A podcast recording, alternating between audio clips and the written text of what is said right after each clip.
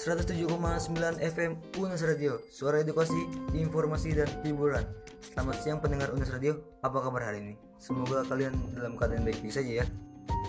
Gue Ramadiansyah Bakal nemenin kalian dalam Unas Flash News. Berita pertama datang dari siniman lapangan hijau. Ada yang tahu?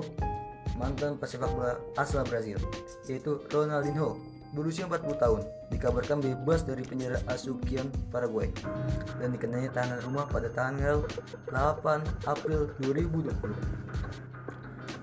Ronaldinho ditahan karena kedapatan memasukkan paspor membayar uang jaminan sebesar 800 ribu US dollar atau sekitar 13 miliar rupiah. Waduh, uangnya banyak ya.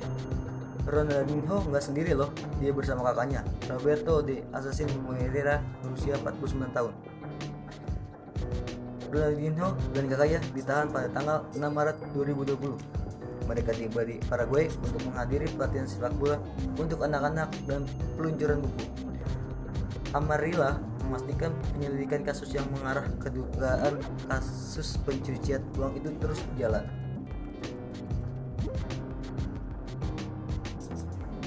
Kabar duka datang dari penyanyi Indonesia yaitu Glenn Fredly. Pada hari Rabu 8 April 2020, dia mengembuskan nafas terakhir di usia ke-40 tahun. Pada jam 6 sore di Rumah Sakit Setia Mitra, Fatmawati, Jakarta Selatan, dikarenakan penyakit radang selalu otak. Pria kelahiran Jakarta 30 September 1975 ini meninggalkan istri dan satu anak perempuannya bernama Gewa yang baru berusia 40 hari. Melalui Instagram pribadinya, istri dari Glenn yaitu Mutia Ayu memposting foto dengan caption yang sangat menyentuh hati kawan-kawan. Tulisannya, ketika Gewa sudah dewasa nanti, Gewa akan berkata bahwa Gewa bangga menjadi anak perempuan ayah. Tuhan selalu jaga kami. I love you. Mari kita doakan kawan, semoga keluarga dari Kak Glenn selalu kuat dan ikhlas ya. Dan yang terkhusus untuk Kak Mutia, kita beri dukungan selalu supaya tetap kuat dan sabar menjalani semua ini. Dan membesarkan Gewa seorang diri dan tetap semangat kaya.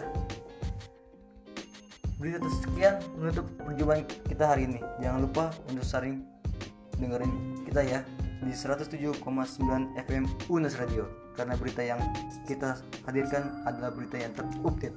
Oke, okay, see you. Bye.